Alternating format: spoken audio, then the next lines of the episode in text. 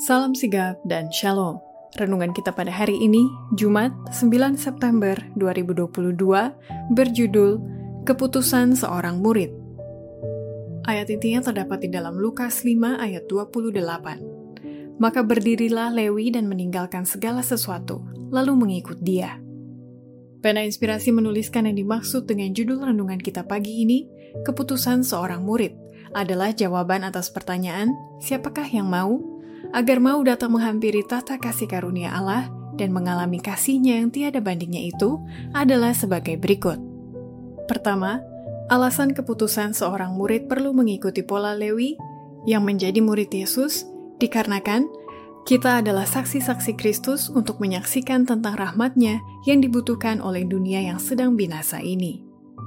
Selaku saksi-saksi Kristus, kita harus memberitakan apa yang kita ketahui, apa yang kita lihat, rasa, dan dengar sendiri. Jikalau kita mengikuti Yesus langkah demi langkah, kita akan mempunyai sesuatu yang tegas untuk diceritakan tentang cara Yesus menuntun kita.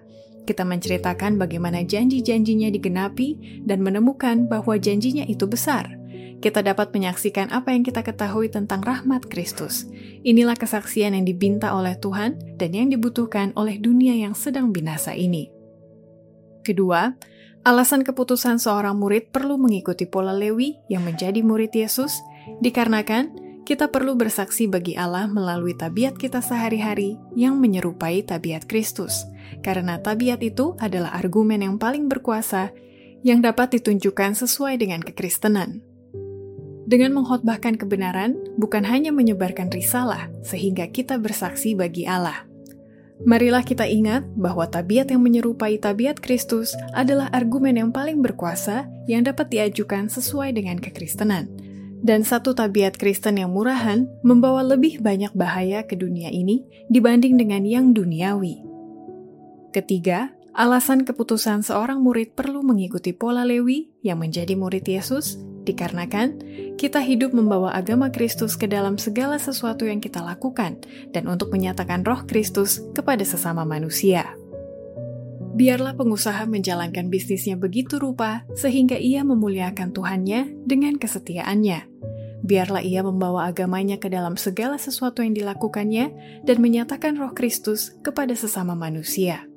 Biarlah para ahli mesin dengan rajin dan dengan setia memperkenalkan dia yang telah bekerja keras di kota-kota Yudea.